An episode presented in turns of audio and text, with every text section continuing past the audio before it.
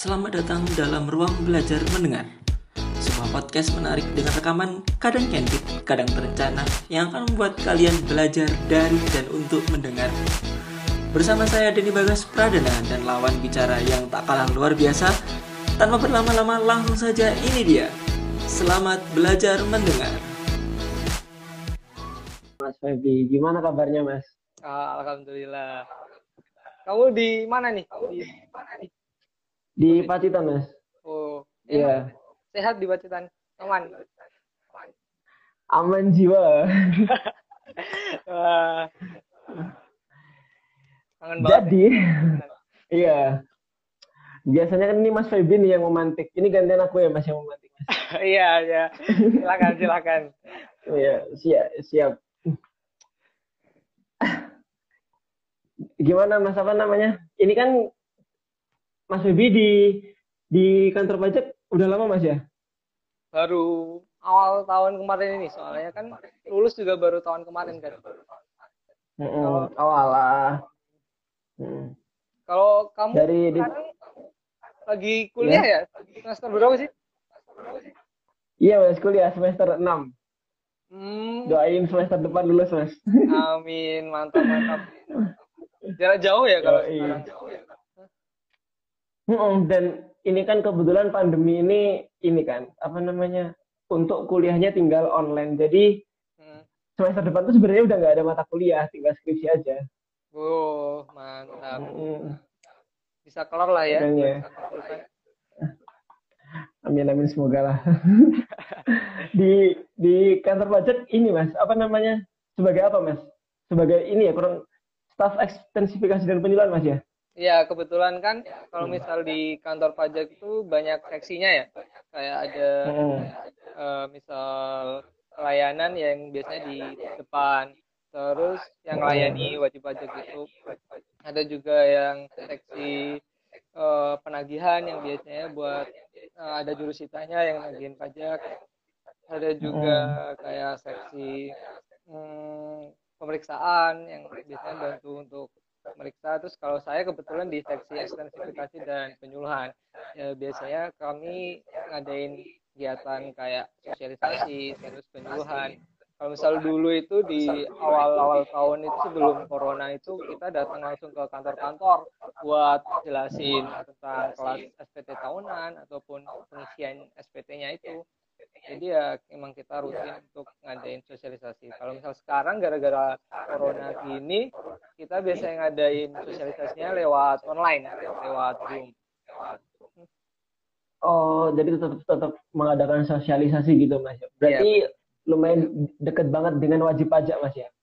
Ya, itu harus- harus dekat lah ya. Soalnya kan wajib pajak ini emang komponen utama dalam penye- dalam sistem ini perpajakan. Kalau misal nggak ada wajib pajak juga kita nggak bisa nggak bisa jalan. Hmm. Itu emang benar-benar Nah sebelum nah sebelum jauh ke sana mas, sebelum jauh membahas masalah kerjaannya mas Febi nih, kuliah di setan selama tiga tahun banyak nggak mas ilmu yang diterapin di pekerjaan? ya, ya emang banyak banget sih sebenarnya ilmunya tapi karena masih baru sih saya harus adaptasi dari awal lagi. Soalnya emang bener-bener ilmu yang di kuliah itu teori ya. Teori yang Hmm.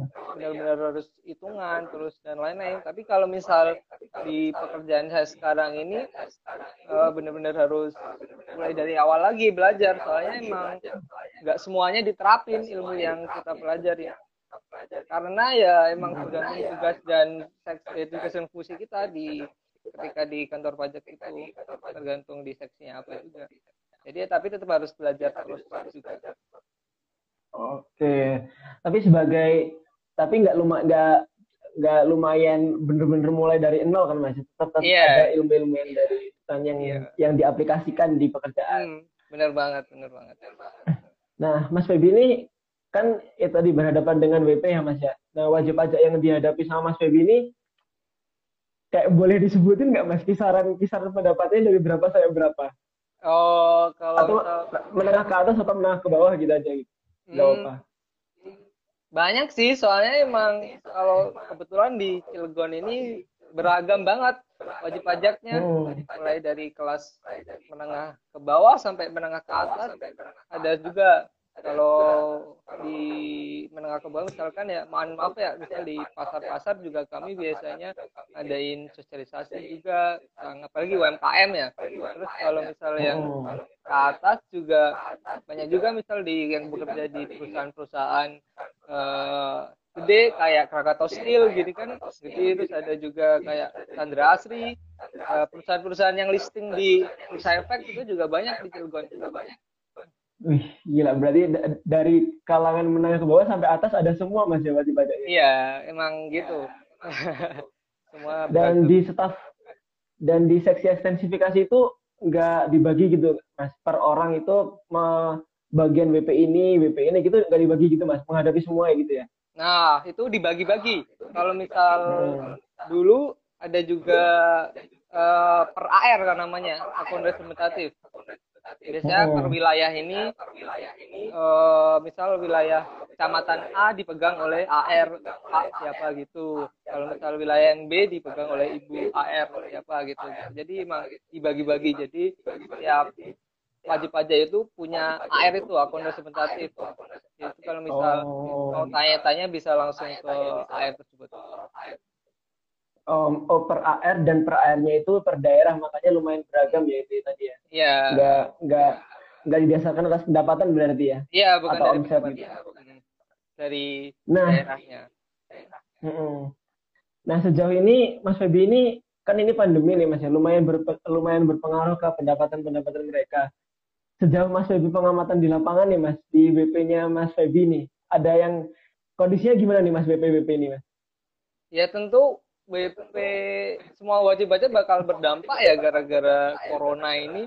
Karena emang uh, jadi stop kayak kegiatan roda ekonominya itu jadi stop gara-gara covid ini.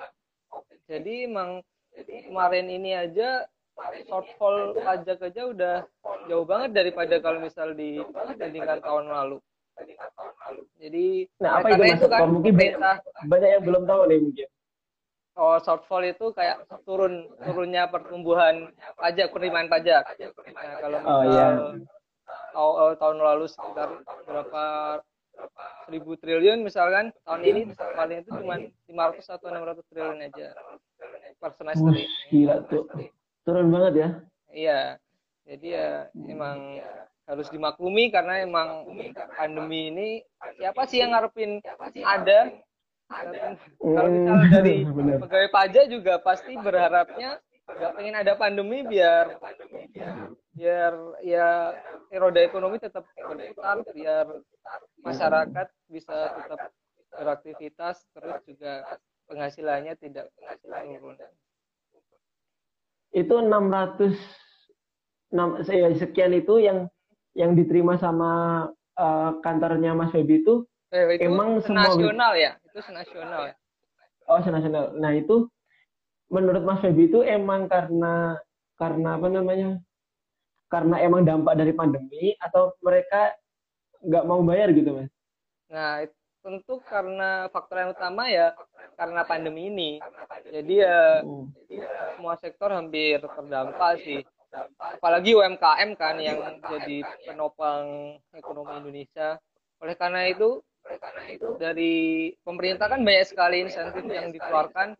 Mulai dari hmm. insentif pajak buat UMKM nggak perlu bayar pajak kan sampai hmm. bulan Desember diperpanjang. Uh, terus ada juga kayak program ekonomi nasional atau PEN itu. Sehingga ada relaksasi untuk pembayaran kredit. Uh, Nah, gitu. Jadi benar-benar oh, okay. ada juga kegiatan kebijakan-kebijakan biar bisa membantu perekonomian UMKM. Nah, ngomong kan udah diberi insentif tuh Mas. Eh, maksudnya insentif itu gimana sih Mas? Uh, kan in, informasi yang saya terima nih Mas ya, yang saya, saya baca-baca. Insentif itu kan untuk PPH pasal 21, 23 sama angsuran PPH Mas ya. Dan UMKM tadi yang ditangguhkan pembayarannya. Nah, insentif itu sifatnya gimana sih Mas? Mau dibayari sama pemerintah gitu atau ditunda atau gimana sih Mas? Nah, iya, insentif itu jadi sistemnya kita harus ngajuin dulu di akun pajak.go.id.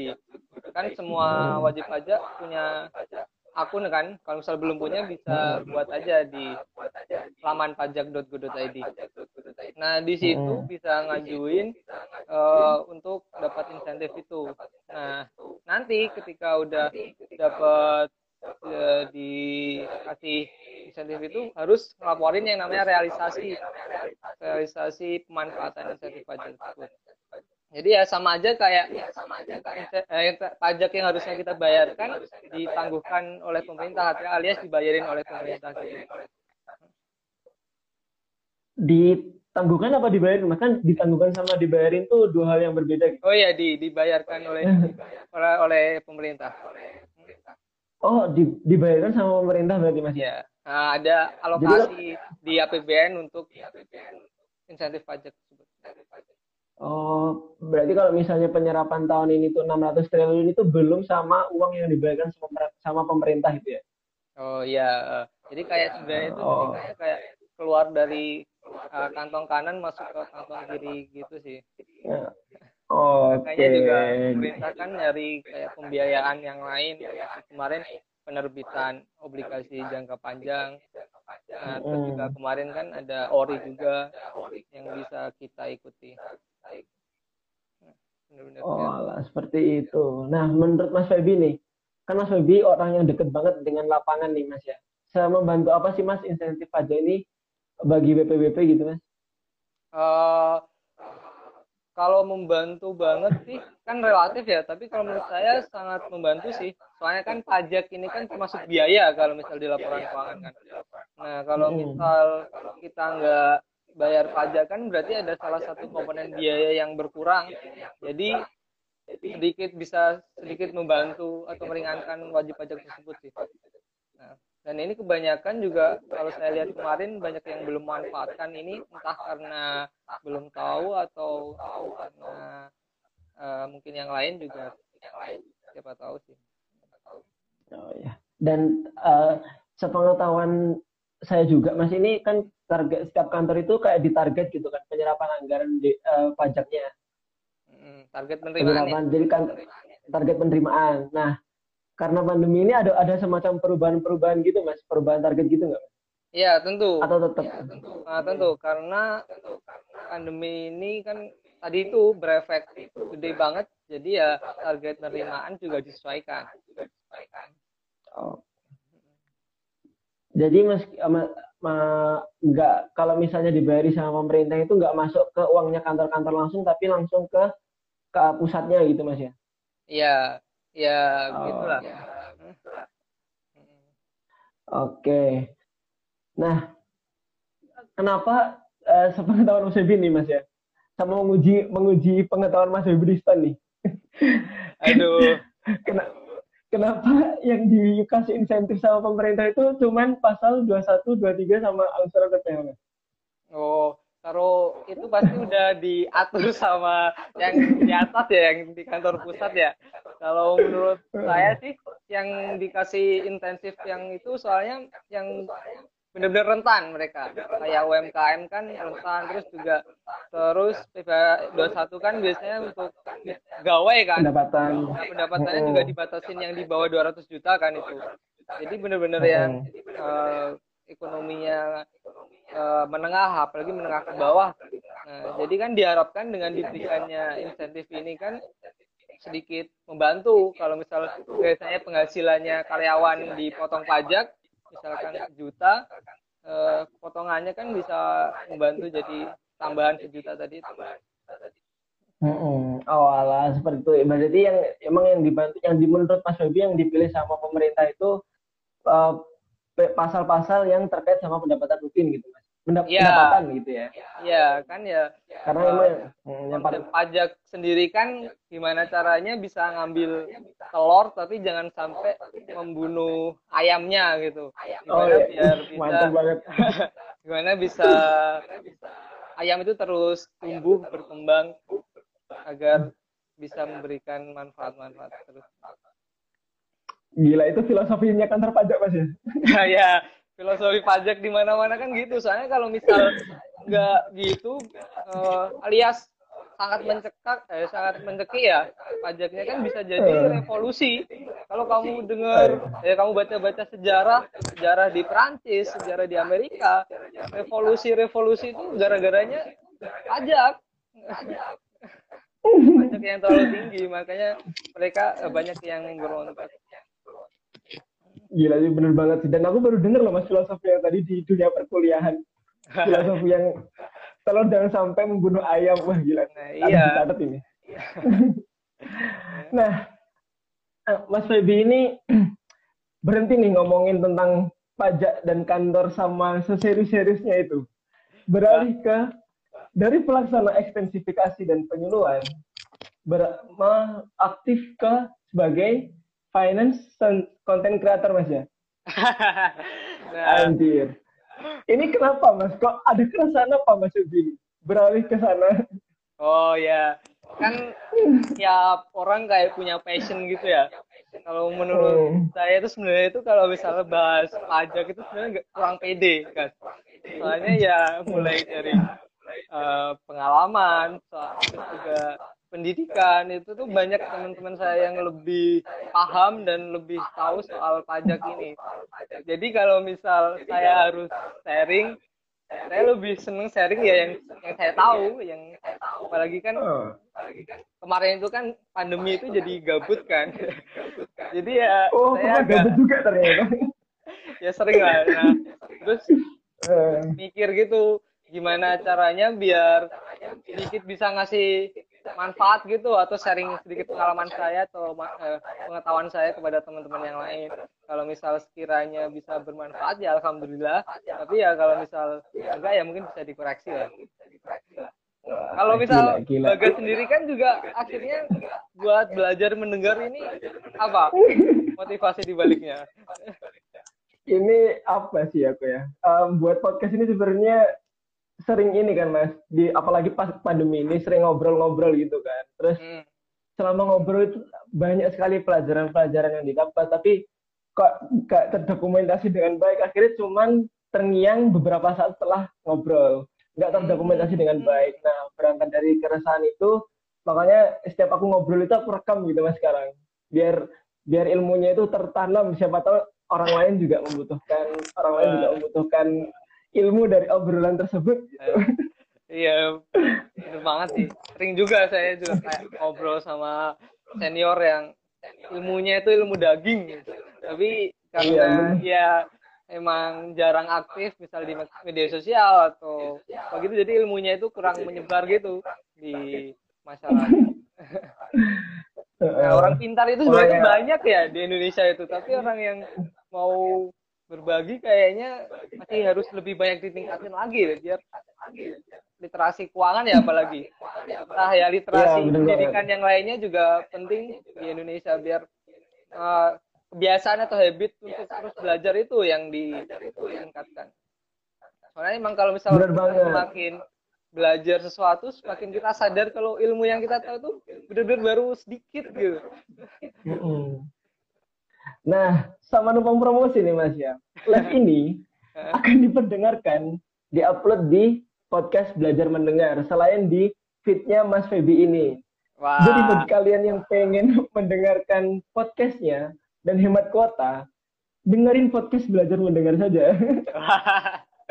Mantap, harus dicek nih di Pokoknya Spotify ya. betul, di, dapat diperdengarkan di Apple Podcast sama Spotify. Oh, mantap itu. Saya aja juga baru pengen mulai podcast sih, tapi kayak nggak pede sama suara saya. Aduh. Aku juga gitu sih Mas awal. Juga gitu sih awalnya Mas. Cuman ya ya udahlah emang tak pikir buat sendiri kalau misalnya nggak sebagus itu tak buat diri sendiri aja nggak apa-apa gitu mikirku gitu mas. Oh, mantap, mantap. Paling nggak bisa jadi amal jariah juga lah ya. Ya semoga lah amin Amin, amin, amin. termasuk fitnya Mas Feby ini yang wah gila sih itu Mas Feby desain desain sendiri atau ada tim gitu? Eh, desain sendiri dan menurut saya itu masih jelek sih ya, masih kurang bagus. Jadi mesti benar-benar harus saya improve tiap hari. Kalau misal kamu lihat uh, fit dari yang saya awal itu juga sebenarnya nggak bagus-bagus banget juga. Tapi ya emang bagus banget. Bagus emang banget ya loh mas karena Terus. wah gila animasinya itu nggak biasa sih itu. Dan bener-bener eh, tertarik untuk dibaca gitu loh mas fitnya Hmm. ternyata desain sendiri mas ya. Kira ada tim loh. Wah enggak lah. Masih belum jadi siapa-siapa belum bisa bayar tim kreatif. Merendah kalau kamu juga semua diurus sendiri nih. Mulai desain dan lain-lain iya sendiri. Ya kayak gitu mah gampang mas. Paling desain pakai PPT aku oh mantap. Emang kalau misal kita niat untuk ngerjain sesuatu pasti bisa ya kalau misal udah? Be- bener. Nah apa namanya tadi? Terus kemudian kenapa eh, Mas Febi tadi rasanya berarti ini Mas ya? Karena memang lagi kosong di pandemi ini dan dan eh, resah terhadap masyarakat yang minim literasi keuangan gitu ya. Nah bener banget bener banget. Nah soalnya eh, pengalaman sendiri ya hmm, temen saya aja yang udah belajar tentang keuangan ya mulai dari akuntansi terus manajemen keuangan itu aja yang berani buat investasi ya. Entah di reksadana atau saham aja masih dikit. Apalagi masyarakat di luar sana yang bener-bener eh, belum pernah tahu tentang persamaan akuntansi atau bahkan laporan keuangan. Jadi emang pentingnya sih ya sedikit membantu ya itu pentingnya kita mulai investasi jadi ini terus juga pentingnya kita ngelola keuangan. Soalnya menurut saya semua profesi itu butuh nggak cuma Butuh, ya. kalau misal orang ekonomi dan lain-lain. Nah, sejauh sejauh Mas Febi menjadi influencer gitu, financial influencer ini ada nggak Mas yang yang yang ceritanya Mas Febi gitu dari sekitar Mas Febi yang sebelumnya kasusnya gini jadi gini karena kontennya Mas Febi gitu. Oh, ada sih kayak kemarin itu kan saya ngepost tentang eh, asuransi kan. Nah, kebetulan Hmm. ada temanku yang enggak ikut asuransi, terus alhamdulillah dia jadi asuransi asuransi kesehatan. Meskipun dia udah ada BPJS sih. Jadi kayak kalau misal di asuransi kesehatan kan lebihnya di pelayanannya, terus rumah sakitnya juga lebih bagus gitu. Terus kalau ada juga yang teman saya yang belum pernah ikut investasi apa-apa, dan dia juga backgroundnya bukan uh, kuliah di ekonomi, dia kuliah di tentang kesehatan. Uh, sekarang juga mulai belajar-belajar tentang saham, tentang reksadana. Jadi ya, alhamdulillah bisa sedikit berdampak lah di pada orang lain. Iya, nah saya ini juga salah satunya orang yang berdampak karena kontennya Mas Febi nih. Uh, Sebelumnya sebelumnya saya itu ini Mas juga nggak melek-melek banget sama saham gitu kan. Terus Mas Hmm. Febi bikin konten tentang tentang saham kalau nggak salah pas itu terus oh, tak DM kan waktu itu mas. Mas, mas. Febi iya pakai iya iya. pakai apa? Browsernya pakai ini gitu. Wah langsung aku Ah. install hari itu juga. Dan kebetulan pandemi kan. Mm-mm. pandemi jadi harga-harga saham lagi diskon-diskonnya. Hmm. borong wes langsungan mas itu. Wah mantap. Tapi ya itu.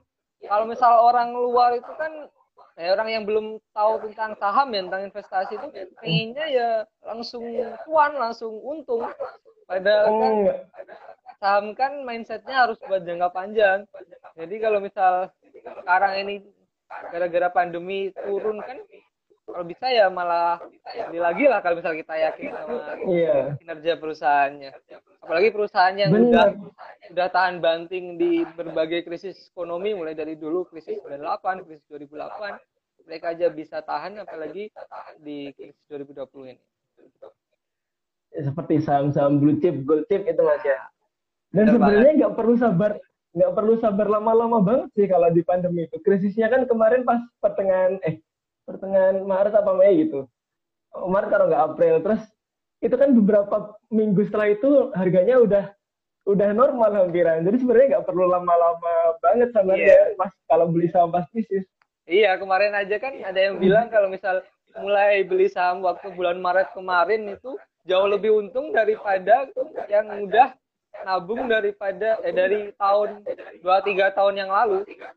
bener bener banget bener banget bener banget mas keuntungannya itu 20% lebih gara-gara pandemi ini Nah, mantap. dan Eh, dan lo lo Hong sama Warren Buffett kan tak baca-baca juga karena krisis kan Hmm. beliau-beliau kayaknya iya harus beli Sabar sih. krisis. Harus mindsetnya juga harus bener dulu. Soalnya kan kalau misal eh, masih baru-baru itu biasanya pengen cuan cepet gitu loh. Jadi kalau saya dulu itu malah trading. Misal hari ini jual besok eh, hari ini beli besok jual gitu. Jadi kayak itu terus-terusan kadang ikut eh, rekomendasi di grup telegram gitu boncos lah ternyata nggak naik malah turun jadi emang bener-bener Wow. mindsetnya harus dibenerin dulu sih oh Kalau- pernah pernah trading juga mas ya berarti ya karena semua orang kayak Oh, pasti oke. pernah trading deh kayak saya pasti pengen cepet-cepet untung itu Pengen- pasti oh. ada deh apalagi pemula dulu sok-sokan sotoy gitu sejak kapan itu mas kalau misal saya kan dulu mulai sekitar semester 3 kan mulai coba-coba uh, udah dari kuliah. Ya modalnya sama lah ya saya aja dulu mulai seratus ribu juga. Jadi ya emang benar-benar beli yang harga yang murah-murah juga kan second liner gitu. Nah karena kan volatil banget ya apalagi saham gorengan dulu itu ya pasti ngerasain rugi ya, saya 20 persen dah cut loss ya tapi ya Ya. jangan sampai lah sekarang anggap aja dulu ongkos belajar kalau sekarang harganya turun saya yakin sama perusahaan ini malah saya beli terus Nah, Mas Febi, Mas Febi itu ternyata udah dari semester 3 Mas ya. Tapi kenapa eh, semester 3 itu juga udah melek sama literasi keuangan belum? Mas? Oh, kalau misal sebelumnya mulai semester 1 saya di reksadana sih guys. Nah, Oh. seiring waktu kan saya nabung di reksadana kok returnnya atau keuntungannya cuma segini. Terus waktu itu saya dapat pelajaran tentang saham di manajemen keuangan di semester 3. Kebetulan dosen saya juga Oh. seorang investor kan. Nah, jadi kayak saya tertarik nih buat di saham juga apalagi ada juga ada promo 100.000 ribu itu mulai buka rekening efek terus juga diajarin mulai dari nol di buka efek langsung kebetulan dulu mulai dari uh, fundamental terus uh, intermediate-nya sama advance-nya diajarin. Jadi ya kebetulan sih waktu itu mulai belajar. Nah menurut saya juga saya juga belum 100% belum paham banget literasi keuangannya sih. Jadi ya masih harus terus belajar Oh, alah. Dan, oh, dosennya Mas Febi itu bukannya rata-rata anggota pegawai DJP Mas ya? Oh enggak lah, enggak banyak banget juga yang dari luar, misalkan uh, akuntan Dosen juga. luar biasa. Oh, Kalau kebanyakan sih pegawai BPPK, bukan pegawai DJP. BPPK itu salah satu instansi di eselon eh, eselon satu di Kementerian Keuangan di bawahnya. oh. Level Ternyata pegawai ada yang main saham juga ternyata. Semua orang itu punya hak buat investasi saham, guys. Nah, kamu ntar Iya. jadi eh, misal kerja kantoran, misal ada juga temen yang dokter atau temen yang anak teknik jadi engineer. Semua orang berhak buat investasi saham. Oh, Nah, apa pun Iya, bener belakang banget. Bahkan ibu rumah tangga Mas ya. Iya bener banget. Apalagi kan ibu rumah tangga mungkin uh, ada waktu juga sela-sela kesibukannya bisa uh, kalau gabut bisa baca-baca informasi tentang investasi, terus saham dan lain juga pasti bakal berguna lah. Oh, oh, bener banget. Nah, Mas Febi ini eh, mengerti atau berani memberanikan diri menjadi finance content creator itu titiknya pas apa Mas itu? Mas? Titiknya waktu itu karena lihat senior saya sih kayak banyak kan kayak akun-akun seperti Mas Andika Diskartes, terus ada juga Pak Philip eh, Mulyana, terus ada juga eh, beberapa konten kreator lain lah. Mereka kan kayak sharing informasi gitu. Menurut saya penting banget sih di Indonesia apalagi kan jumlahnya ini 300 juta kan penduduk Indonesia. Jadi Oh. kalau misal kita bisa sedikit menjangkau 1000 orang, 2000 orang aja setiap hari, berarti kan paling tidak kita juga membantu orang-orang tersebut lah untuk dapat informasi baru setiap harinya. Kalau misal saya sih nggak pengen jadi influencer sih sebenarnya. Yang penting saya bisa berbagi aja udah bikin seneng kak. Ada yang bilang makasih loh udah udah sharing informasi ini atau ngajarin ini itu udah bikin seneng saya bisa berdampak ke orang lain itu. Iya. Oh alah seperti itu gila motiv motivasi motiva motivasional banget ya kata-katanya. Dan Iya. apa namanya? Eh, Dan tadi oh memang karena lihat ini ya uh, konten kreator konten kreator sebelumnya. mm-mm. Nah kemudian apa namanya sejauh ini apa yang membuat Mas Feby itu eh, sejauh ini ada kesulitan-kesulitan gitu nggak Mas?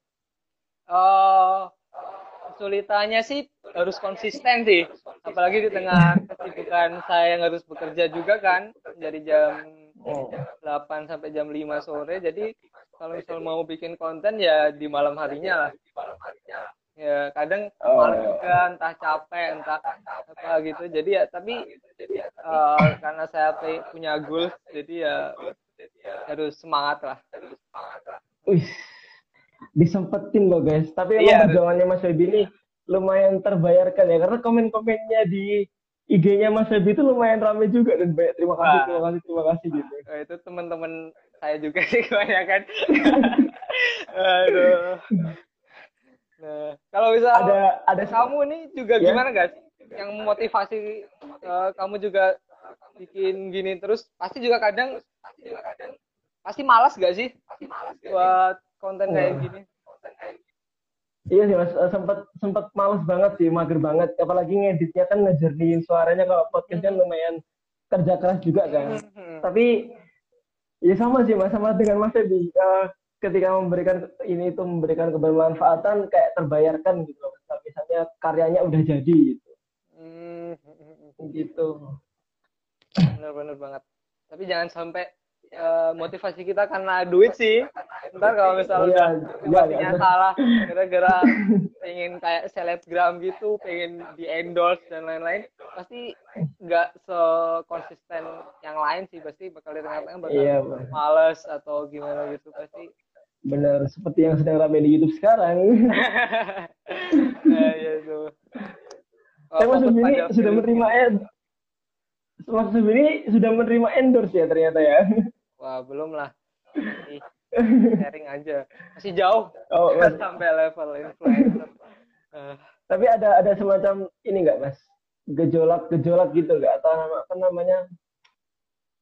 eh, nyinyiran netizen gitu, Mas, yang yang diterima sama Mas Feby sejauh ini.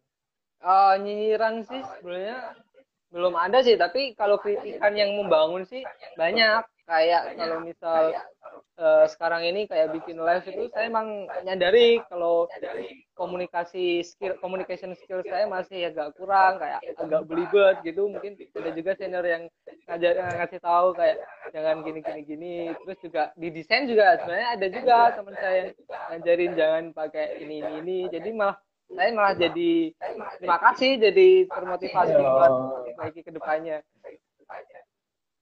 Tapi emang emang iya sih, Mas. Mas Feby itu apa namanya? bikin live gini sampai matanya merah loh. Secapek itu Mas ya, Mas ya. wah itu memang dari kecil deh kayaknya aku mataku merah saya harus kucek Sekarang enggak. Mas. Wah, kebetulan aja mas ini juga masih merah deh kayaknya. Padahal udah pakai insto loh padahal.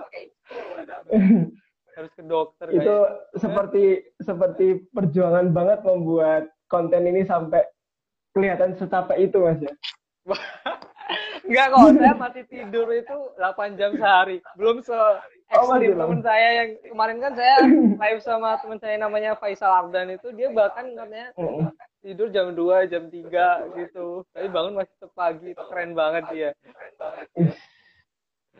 finance content creator juga mas ya Eh ya dia di bidang bisnis kalau dia naik.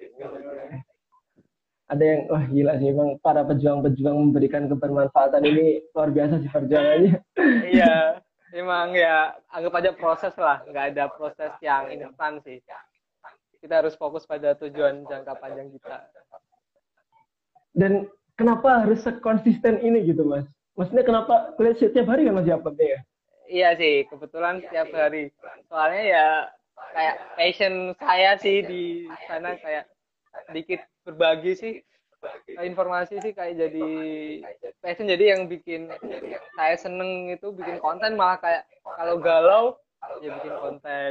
Lagi seneng ya bikin konten karena jadi kayak wah. Jadi kalau dulu kayak iseng-iseng sekarang malah jadi kayak hobi gitu bisa dibilang. Kayak kalau misal sehari nggak bikin konten itu kayak ada yang kurang gitu rasanya. Oh, sampai segitunya rasanya ya. ya gitu lah. Wah, pernah Namanya galau juga, juga- ternyata Mas ya. Kalau lah pastilah namanya anak muda.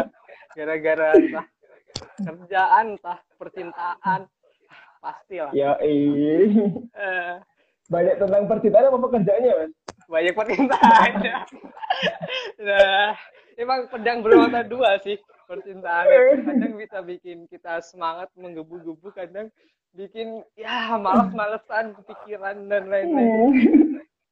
Ya, tapi ya anggap aja bunga-bunga kehidupan lah. Apalagi nah masih muda. eh. Biasalah sakit hati, patah hati itu dipuas dipuas-puasin lah. Gagal itu dipuas-puasin lah. Nah, kapan lagi kan? Bener. Tapi Mas Bibi ini emangnya nggak ada kerjanya sampai dibawa pulang gitu Mas dari kantor? Ah, kebetulan kalau seksi saya itu belum ada. Kalau misal teman saya yang seksi pelayanan itu sibuk banget ya. Kadang bisa sampai malam, kadang eh, itu lebih eh, dari maghrib tuh baru pulang. Nah, nah ya gara-gara kerjaan saya belum sesibuk teman saya, jadi saya maksimalkan diri lah buat eh, ngelakuin apa yang saya suka. Oh, alah. Tapi tapi ada bulan-bulan yang sibuk nggak? Kalau misalnya pegawai bank kan bulan-bulan sibuknya di uh, akhir tahun karena tutup buku gitu kan. Nah, Mas Bibi ini ada bulan-bulan yang sibuk banget gitu nggak? Eh, kalau bulan-bulan sibuk malah di awal tahun kalau misal di seksi saya. Saya kan kalau batas akhir pelaporan pajak kan buat pribadi itu 31 Maret kan. Jadi belum itu kemarin itu intensif banget kegiatan penyuluhannya. Bisa sehari bisa satu kantor bahkan ada yang sehari dua kantor itu. Hmm, dan Mas Bibi tetap nyempetin bikin konten Mas ya di tengah kehektikan kerja seperti itu ya. Nah, kalau misal saya kan baru mulai awal Mei kemarin sih, jadi Oh, oh iya. sampai sekarang ini belum sibuk banget, nggak tahu ntar. Belum menemui tantangannya. Iya, belum menemui tantangan. Semoga masih bisa tetap konsisten. Ya. Mari kita doakan sendiri, bersama-sama. eh, amin, amin. Kalau kamu sendiri gimana kan? Kan juga pasti lagi kuliah jarak jauh juga kan? Pasti juga harus bagi waktu itu gimana kalau kamu? Aku membuat podcast ini juga baru beberapa kemarin ya, kapan ya? Tiga tiga minggu yang lalu kayaknya. Dan Hmm. podcastnya itu yang dua episode pertama kan dari live dari live di pacitanku.com kemarin. Hmm. Jadi yang aku convert ke podcast. Hmm. Dan itu udah libur kuliah ini mas sebenarnya libur kuliah sampai bulan Agustus. Jadi Hmm. nggak ada kesibukan lain sebenarnya. Bahkan lebih ngarah ke gabut. Hati-hati tuh kalau misal udah eh, terlalu nyaman, terlalu gabut itu buat mulai sesuatu itu kadang malas banget. Eh, kamu tahu hukum Newton nggak yang hukum apa sih dulu yang bola yang bergerak atau apa sih? Jatuh oh ya yang jatuh, jatuh ke bawah gitu kan ya. Bukan yang akselerasi itu. Jadi kalau misal kita akselerasinya nol itu gayanya itu makin besar. Tapi kalau misal akselerasinya eh, makin tinggi ntar gayanya bisa lebih kecil, lebih gampang gitulah ibaratnya. Oh, oh iya, iya. Gak, gak ngerti sih masa aku bukan anak IPA. Oh iya, kamu kan anak IPA ya? Kalau aku kebetulan dulu Bukan. sebelum hijrah jadi anak PS itu dulu saya aku anak IPA dan kebetulan ikut olim fisika juga jadi kayak Oh iya, iya. jadi ya Oh, masih ilmu-ilmu masih hafal, masih fisika. melekat mas ya. Wah, ya dikit-dikit lah. Banyak yang lupa.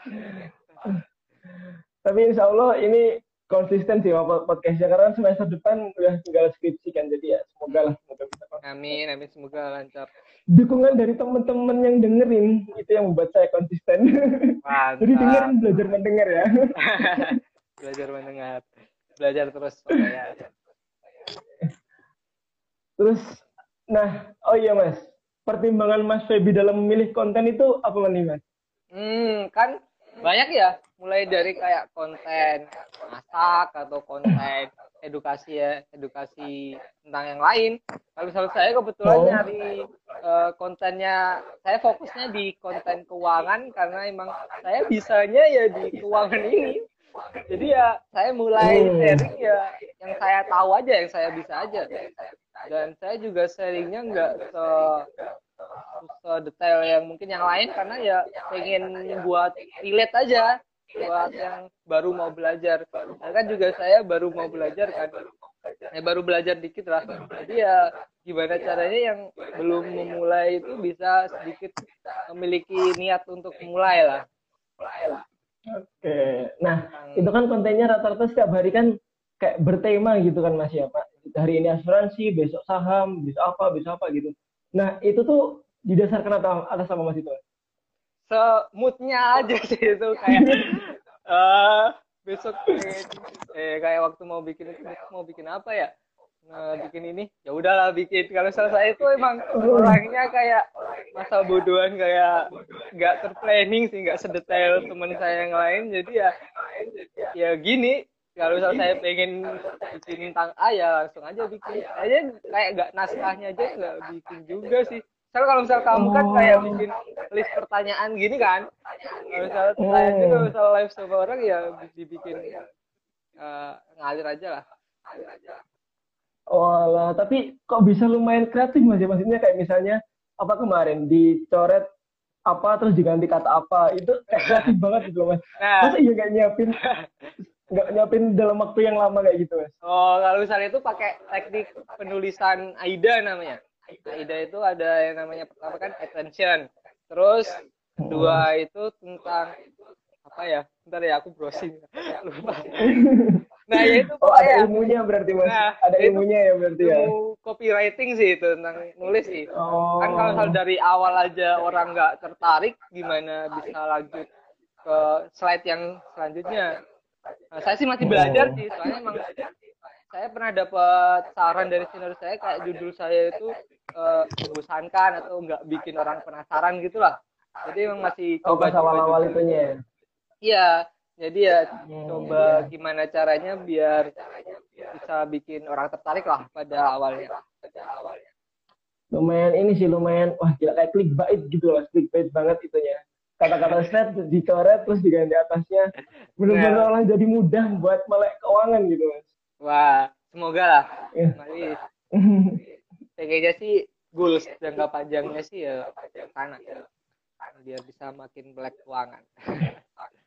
Nah, itu rencana Mas Bibi bakal berapa lama nih Mas kayak konten-konten kayak gini dan dan eh, berkembang eh, berkembang ke platform apa mungkin? Nanti ada rencana gitu ya? Entah YouTube pengen sih berkembang, iya. Spotify, podcast. Iya, pengen juga kayak bikin podcast di podcast di Spotify atau bikin video di YouTube. Tapi kayak Hmm. yang kamu bilang pasti kayak mulai itu gimana caranya terus males gitu kayak ah, di IG aja udah keteteran gini gimana di YouTube atau di podcast Kayak, ya tapi pengen ke sana sih tapi ya sekarang kalau saya masih pengen fokus di IG dulu sih soalnya Ah, dan lumayan nyaman di IG Mas. Tapi Mas Bibi belum belum ngerencanain gitu Mas ya berapa tahun di IG, berapa, berapa nanti jangka panjangnya tahun keberapa bakal berkembang ke apa gitu. Udah ngerencanain belum Mas? Eh, udah sih tapi eh, nggak saya share aja sih takutnya. Ntar Iya. eh, muluk-muluk aja. Kalau soal goals ya saya ada sih. Goals itu emang harus ditulis. Biar kayak kita ada target aja biar ada motivasi biar berkembang. Kalau misal kamu sendiri nggak pengen nyoba buat konten juga di IG Nah, udah ada rencana sih Mas. Eh, Tapi kok ini ya itu tadi Mas. Masih nyaman di podcast. Hmm gitu Sebenarnya sebenarnya udah ada udah ada list konten buat YouTube kan. Cuman Hmm. anjir kayak pengerjaannya ternyata membutuhkan tenaga banyak gitu kan. Iya bener-bener banget mulai dari kayak bikin naskah terus proses editing video Editing. video terus Upload. eh, itu bener-bener ya butuh extra effort lah. Nah, oke. Sudah mau habis ya Mas katnya waktunya. Satu jam kan ya durasi ini, durasi Insta live Instagram ya. ya sekitar 10 menit lagi lah. Satu- Gimana? Ya. Masih ada yang Nah, terakhir nih Mas, mungkin ini, eh, menurut Mas Baby ini orang-orang ini agak serius lagi nih. Hmm. Menurut Mas Baby ini orang-orang ini nggak nggak kurang melek atau kurang literasi keuangan itu karena apa Mas? Menurut Mas Baby penyebabnya? Eh, balik lagi sih kayak tiap orang kan pasti punya background berbeda-beda. Jadi ya kita nggak bisa ngejudge mereka nggak mau belajar atau apa. Mungkin juga mereka belum tersentuh ke sana.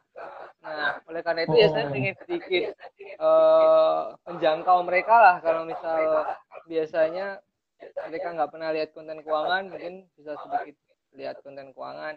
Nah, ya pengennya ke depannya.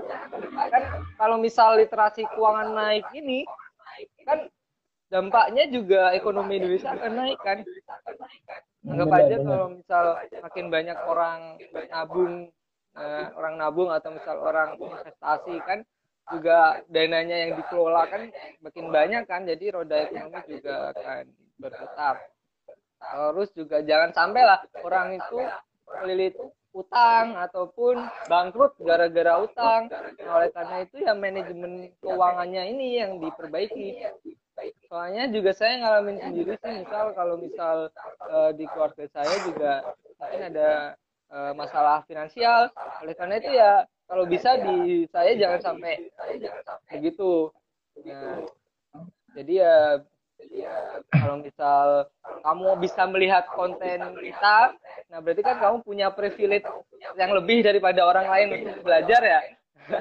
Iya benar, Kalau misal yang lain kan mungkin belum pernah belajar tentang literasi keuangan, tapi kalau misal orang lain masih bisa main IG, masih bisa melihat konten kan berarti kan mereka memiliki kesempatan untuk belajar. Benar, benar banget.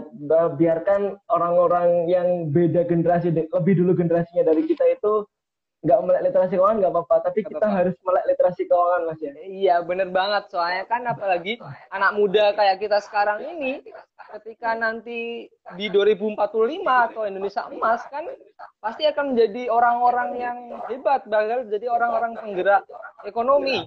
Bisa saja mungkin kamu di 2045 jadi direktur suatu perusahaan atau pemilik bisnis perusahaan besar di Indonesia atau mungkin ada juga yang jadi pejabat di suatu instansi pemerintah. Nah, tentunya mereka akan menjadi orang-orang yang berpengaruh, orang-orang yang berkontribusi besar di Indonesia. Jadi kalau misal literasi keuangannya ataupun eh, mindsetnya salah kan juga kan bisa beref- berefek panjang. Tapi kalau misal dari sekarang aja kita pupuk, mulai dari kecil kayak misal sadar akan pentingnya pajak aja. Nah, Hmm. nanti di 2045 pasti kita ini yang anak-anak muda yang bakal jadi membayar pajak terbesar lah. Nah, siapa Ya, tahu kan di Semoga, semoga. 2045 ada orang terkaya Indonesia yang berasal dari anak muda kan. Ya, dan, dan semoga lewat lewat konten-kontennya Mas Febi juga ini dapat melek literasi keuangan dan menjadi wajib pajak yang patuh untuk membayar pajak. nah, iya, saya juga sering menyelipkan tentang pajak juga. Saya emang ya gitu mindsetnya di masyarakat. Kebanyakan kayak ngapain sih bayar pajak ntar dikorupsi gayus Iya. juga kan kita nggak ngerasain efeknya ngapain juga bayar pajak jadi ya eh, paling tidak sedikit demi sedikit eh, ngasih tahu ngasih cari informasi lah pentingnya pajak itu kayak gimana Tapi sebenarnya tapi sayang sekali waktunya udah mau berakhir mas. Sebenarnya masih banyak yang mau saya tanyakan sih mas. Kayak Iya. referensi mungkin mungkin singkat-singkat aja sih mas. Referensinya mas Febi dalam membuat konten ini dari mana mas? Kalau misal saya sih kebanyakan dari follow eh, akun-akun yang juga share tentang informasi keuangan sih. Kalau misal paling Oh. sering saya lihat sih akunnya finansialku. Nah, tapi sekarang lagi di hack sih. Terus Hmm. kemarin aja kan saya juga ikut kayak webinarnya finansialku kan, yang isi itu Pak Melvin Mumpuni dia foundernya finansialku. Ya dia itu certified financial planner Nah, terus singkatannya gelarnya CFP. Nah, sebenarnya sih pengennya jangka panjangnya juga saya pengen ke CFP itu biar biar ada biar itu ada yang kompetensi bukti kompetensi Oh, Eh, sertifikasi ya. Iya sertifikasi. Hmm, tapi butuh masih beberapa tahun kalau pengalaman di dunia keuangan. Orang pajak pengen sertifikasi financial planner.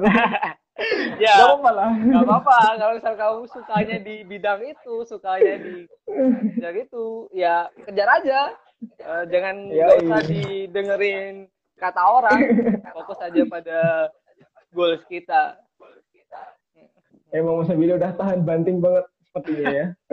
Ya gitu, ya masih Ada ya, masih rapuh sih sebenarnya, tapi ya gimana eh, menguatkan diri aja. masih rapuh. Ko- Kode itu guys. Untuk Aduh. mencari penguat hatinya Mas Febi. Mungkin dari yang melihat ini nanti bisa langsung ngecek Mas Febi. Eh, Iya.